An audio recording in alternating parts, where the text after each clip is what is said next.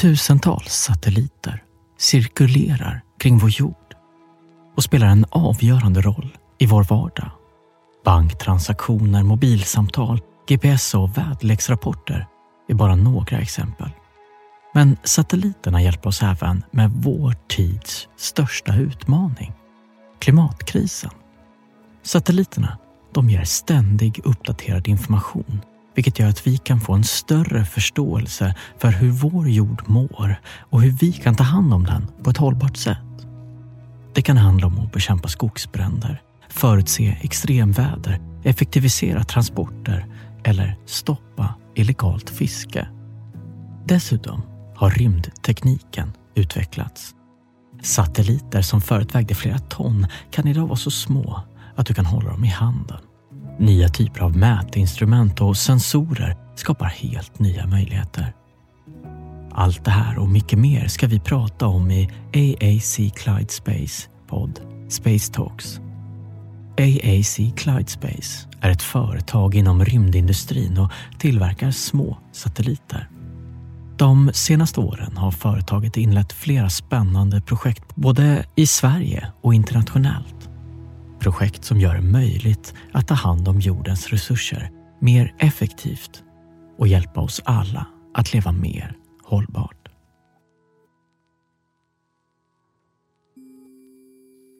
Det är inte bara på jorden som vi skräpar ner, utan även i rymden. Den tekniska utvecklingen gör rymden allt mer tillgänglig, vilket är bra. Men baksidan med framstegen, det är allt skrot som lämnas kvar. Runt jorden cirkulerar gamla satelliter, raketer, muttrar och redskap som astronauter tappat och som riskerar att krocka med rymdstationer och viktiga satelliter. Eller så krockar det med annat skrot så att ännu mer skrot bildas. Hur ska vi egentligen göra för att tackla problemen med allt rymdskrot? Och vad kan vi göra för att skapa en hållbar rymdmiljö? Det brittiska företaget Astroscale och AAC Clydespace har hittat en lösning. En satellit som ska städa upp. Med hjälp av en magnetfunktion ska satelliten fånga upp oanvändbara satelliter som sedan styrs mot jorden för att sedan brinna upp. Det och mycket mer ska vi prata om i det här avsnittet. Programledare är Moa Skan. Hon är vetenskapskommunikatör och doktorand i astrofysik vid Stockholms universitet. Gäst i avsnittet är AAC Clyde Space alldeles egna Mattias Ört som ansvarar för verksamheten i Uppsala. Välkommen! Tack så mycket, jättekul att få vara här. Du kommer berätta lite mer om hur ni jobbar för en hållbar rymdmiljö via en satellit som ska städa upp i rymden. Ja, det är häftigt. Det är en avancerad mission som eh, ska åka upp och docka eh, med en annan satellit. Så en väldigt avancerad mission och eh, det känns ju bra för oss att vara med och presentera en lösning för det här rymdskrotsproblemet. Mer om den lite senare. Men först avsnittets andra gäst, forskaren Semeli Papadogiannakis från FOI, Totalförsvarets forskningsinstitut. Välkommen till dig med! Tack så mycket. Du forskar på avdelningen för försvarsteknik och flyg och rymdsystem. Berätta, vad är det du gör? Jo, men jag forskar om eh, rymdlägesbild. Det är en slags översiktsbild av, av rymden. Och på FOI så håller vi på med två saker. Det ena är övervakning av satelliter och människogjorda objekt. Och sen eh, kommer vi börja så småningom och så smått med rymdväder. Så ni håller koll på satelliter och eh, gamla raketer och sånt där? Ja, allt som, är, som människor har skickat upp till rymden. Ingår rymdskrot i det? Ja, så även om vi inte forskar direkt i rymdskrot så, så är det ju väldigt aktuellt med rymdskrot även ur det militära perspektivet. För inte så länge sedan så eh, sköt Ryssland ner en av sina egna satelliter i ett så kallat antisatellittest eh, som skapade en hel del rymdskrot. Så det, det är definitivt eh, både aktuellt och relevant eh, för oss att forska om detta. Vad var det Ryssland gjorde? De eh, sköt ner en av sina egna äldre inaktiva satelliter. Är det här något som har hänt tidigare? Det har hänt tidigare. Eh, både USA, Indien och Kina har skickat och förstört sina egna satelliter på liknande sätt i lite olika omloppsbanor. Varför tar man sönder sina egna satelliter? Jo, men eh, man vill ju inte skapa en internationell incident genom att skjuta ner någon annans satellit. Eh, för det här med att skjuta ner satelliter det är ju huvudsakligen skulle jag säga, en maktdemonstration. Man vill visa helt enkelt att vi har förmågan att göra det här. Och hur hänger det här ihop med rymdskrot? Jo, men varje gång det sker ett sånt här antisatellittest så skrapas en enorm mängd rymdskrot. Eh, och den i, i sin tur kan ju upp, ge upphov till ännu fler kollektioner och ännu mer rymdskrot. Så det är väldigt, eh, de, de går verkligen hand i hand. Jag tänker att det kanske kan vara bra att förklara vad är rymdskrot egentligen? Rymdskrot är alla rester av mänsklig aktivitet i rymden. Så det kan vara allt från rester till bärraketer till satelliter som inte är aktiva längre till färgflagor och muttrar och skruvar som har tappats i rymden från eh, rymdstationer.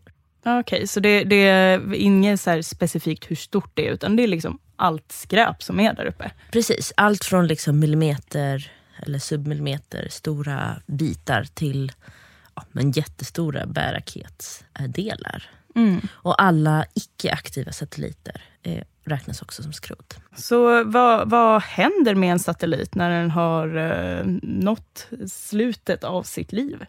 Det beror lite grann på vilken bana den är på.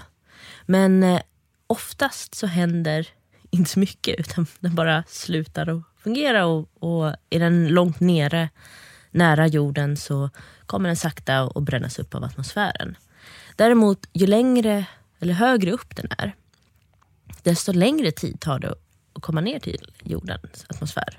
Så där, det är ju någonting som man får tänka på, att då finns den där ganska länge. Eh, och ligger den i, i något som kallas för geostationär eh, bana, alltså att den, den ligger på kanske 35 000 kilometers höjd, där eh, satelliten liksom följer en punkt på jorden hela tiden.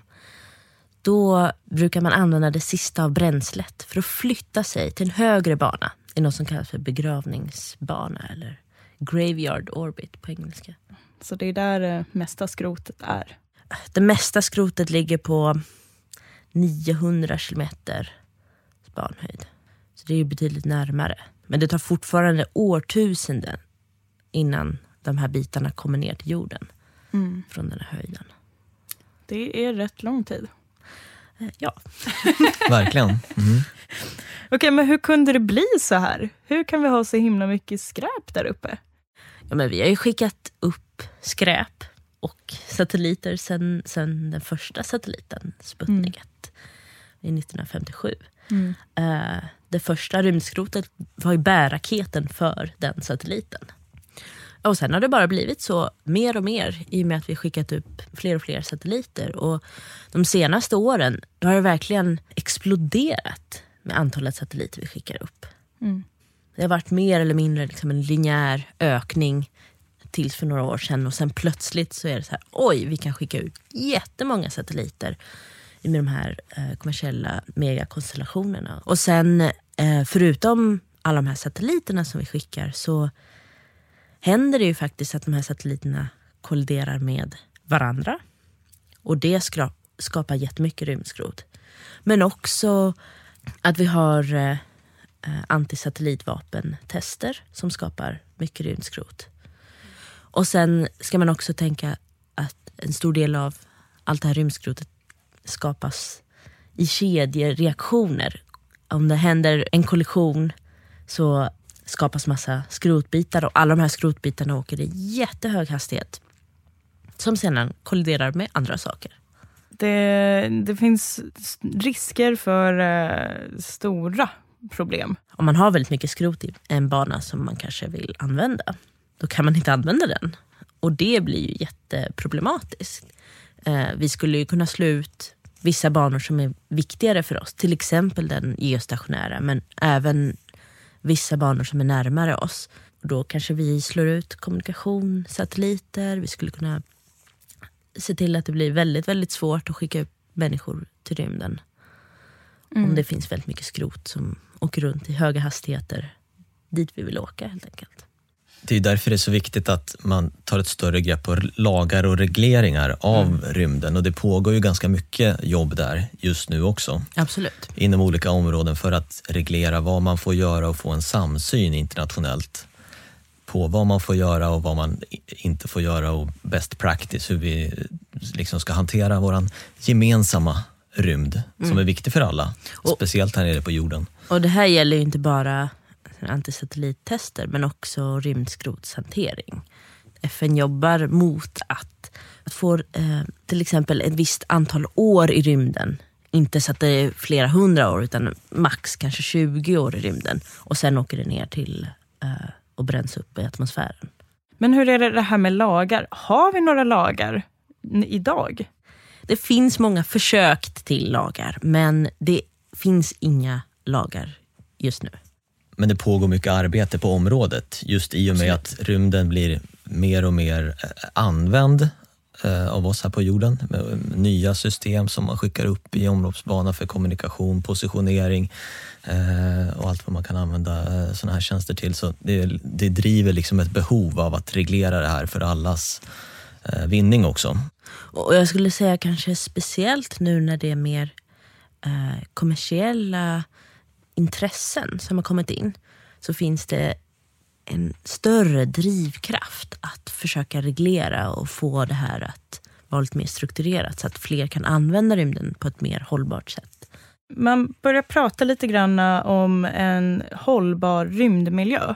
Vad betyder det? Nej, men en hållbar rymdmiljö, det är väl en kombination av saker. Dels att, eh, att eh, privata företag liksom tar sitt ansvar, även nu i, i, ett, eh, i en tid då det inte finns så mycket lagar och regler, att alla tar sitt ansvar och, och inte, eh, och bidrar till att inte skapa rymdskrot. Eh, så det är jätteviktigt. Och sen så att man också jobbar på det regulatoriska området med lagar och regler och i det internationella samfundet kommer överens om hur man ska hantera den här eh, naturresursen som vi har med rymden. Precis, och inte bara då företag men också satelliter som används statligt eller militärt ja, syfte. Absolut, absolut. Är all typ av rymdskrot en risk?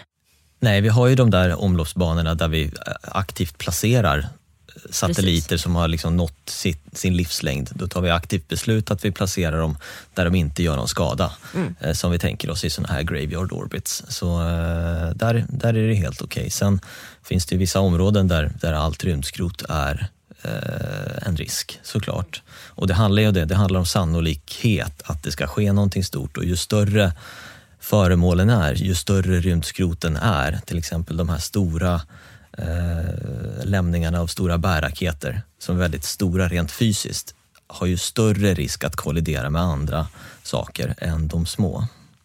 I vilka omloppsbanor är det som det är den största risken? De omloppsbanor som vi använder mest, som är low earth orbit, ganska nära oss, där vi använder olika typer av övervakningssatelliter och vädersatelliter och, och, och även har rymdstationer. Men också eh, geostationära banan. Skulle vi få ett, ett skrotmål i den banan så skulle det vara riktigt illa. Så man får vara lite försiktig. Och faktiskt att jag skulle säga att där, jag tycker det, där har man försökt göra så mycket man kan för att se till att det inte blir så mycket skrot. Man kan väl säga det, det kanske också är drivet av att i den banan så har det varit väldigt mycket eh, kommersiella aktörer ja. också med tidigare kommunikationssatelliter och tv-satelliter och, och, den typen av kommersiella aktörer. Så det har kanske drivits mera, eh, att det har eh, blivit en självreglering mm. Eh, där. Och nu när vi ser på low earth orbit, lite närmare jorden, så, så krävs det mera regleringar. Vad har man som företag just nu för ansvar för att motverka det här?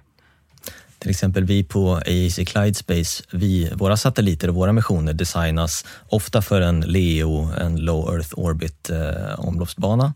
Och vi designar alltid missionerna så att, eh, så att vi inte skapar något rymdskrot. Antingen så har vi Att de eh, faller hela tiden ner mot jorden och under ett visst antal år så används de och sen så brinner de upp. Eller om de ligger på lite högre bana så har vi aktiva system ombord med framdrivning med motorer så att vi puttar ner satelliten mot jorden istället. Ett eh, alternativ som finns är en eh, satellit som det brittiska företaget Astroscale har utvecklat. Det är en eh, satellit som då ska rensa rymdskrot. Och AAC Clyde Space ska leverera delsystem till den här satelliten. Vill du berätta lite om den här satelliten? Hur funkar den? Det är en satellit som används för att ta bort rymdskrot från, eh, från omloppsbana. En eh, 150-200 kilo satellit eh, som vi levererar eh, datahanteringssystem och kraftsystem till. Den åker upp och sen så dockar den med döda satelliter med en dockningsmekanism och drar den ner mot jorden igen, den här döda satelliten då och släpper av den så att den faller ner mot jorden och brinner upp i atmosfären. Och sen kan Astroscale, satelliten, åka upp och ta nästa satellit. Så den, eh, den kan, kan inte bara ta en utan den kan åka och ta flera satelliter också. En väldigt avancerad eh, mission och eh, det känns ju bra för oss att vara med och presentera en lösning för det här rymdskrotsproblemet. Att eh, återanvända gamla satelliter är ett sätt för att skapa en hållbar rymdmiljö. Och AAC Clyde Space är involverad i ett projekt där man gör just det. Kan eh, du berätta lite om det, Mattias? Vi jobbar tillsammans med brittiska Spaceforge. Spaceforge ska producera material i rymden och vi designar en satellit som ska bära den här produktionsenheten och anpassa den satelliten för att den ska kunna komma tillbaka till jorden så att vi kan ta hand om det här producerade materialet eh, på plats, använda det och sen så återanvända satelliten igen. Hur återanvänder man en satellit? Vi anpassar satelliten för att den ska kunna återinträda utan att brinna upp i atmosfären. Normalt sett, våra satelliter brinner ju upp till stor del i atmosfären när de återinträder till jorden, men nu anpassar vi satelliten för att den, för att den inte ska göra det utan att vi ska kunna ta tillvara det här producerade materialet. Vad är det för någonting som ni gör i det här projektet? Vi bygger satelliten och, och, gör en mission kring det här. Missionen är sex månader ungefär, så satelliten kommer vara sex månader i eh, omloppsbana då produktion pågår och sen så återinträder satelliten och det här producerade materialet tillbaka ner och så tas det om hand på jorden igen. Vad tänker du om den här satelliten, Semeli? Jo, men jag tänker att, att det är bra att man jobbar mot eh, att försöka städa upp. Eh, det behövs helt enkelt. Och det behövs fler olika typer av initiativ för olika banor i olika skalor. För att eh, Det finns skrot i liksom alla olika storlekar. Så det, det behövs eh, initiativ för att försöka fixa detta. Om vi tittar på ett lite bredare plan. Vad behöver vi göra både i Sverige men också mer globalt för att vi ska kunna börja jobba mot en bättre rymdmiljö? Jag tror att lagstiftning och, och, att komma överens internationellt är jätteviktigt. Vi måste ha lite mera reglering av rymden än vad vi har idag. Den här typen av tjänster för att städa upp i rymden är också eh, väldigt viktigt, vitalt för att man ska kunna ta hand om det skrot som finns där uppe idag, de här stora objekten eller lite mindre objekt som eh, potentiellt kan vara en fara för framtiden. Eh, för att minska risken för kollisioner så finns ju den här typen av teknologi. Eh, den är på frammarsch och den eh, ja, kommer avhjälpa själva problemet. Vad tänker du, Semeli? Till exempel så skulle man kunna fylla på bränsle i satelliter som har fått slut på bränsle. Som åker upp och tankar dem helt enkelt? Ja, precis. Och tanka. Och det, det kan man inte göra just nu. Men det är på väg. Och jag tror att det har ju också ett kommersiellt liksom, driv. Kanske speciellt för de lite större satelliterna. De är väldigt dyra att få fram och allting. Eh, så det, det skulle vara väldigt kostnadseffektivt. Men också kanske reparera vissa skador. Om det är en solpanel som har gått sönder. Man kanske skulle kunna gå och fixa den. Mm. Det kallas för in-orbit servicing. Är det något som vi har eh, lyckats med hittills? Har vi kunnat göra något sånt? Jag vet inte, det mest kända exemplet kanske är, en, om man kan kalla det för in-orbit servicing av eh, rymdteleskopet Hubble som man skickade upp och fann att det var en, en liten defekt på den stora, jättestora spegeln i själva teleskopet. Man gjorde en, en ny mission bara för att åka upp och justera den här spegelytan eh, i omloppsbana. Så det var, är väl den största aktiviteten kan man väl säga som någonsin har gjorts på det området. Absolut, men där, där kanske man ska lägga till att det var ju faktiska astronauter som var tvungna att åka dit och, och fixa. Så det var inte så automatiskt. Mm. uh, och det var ju möjligt därför att det är den här banan som är ganska nära jorden. Och. Det var ju eh, ganska många år sedan också som, som det här skedde och nu med teknologin som finns idag så finns ju möjligheten att åka upp med obemannade farkoster. Vi kan landa med obemannade farkoster på månen och vi kan göra olika obemannade uh, aktiviteter i rymden också.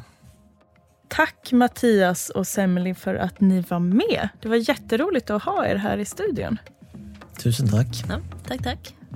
Och tack till er som har lyssnat på Space Talk som är en podd från rymdbolaget AAC Clyde Space.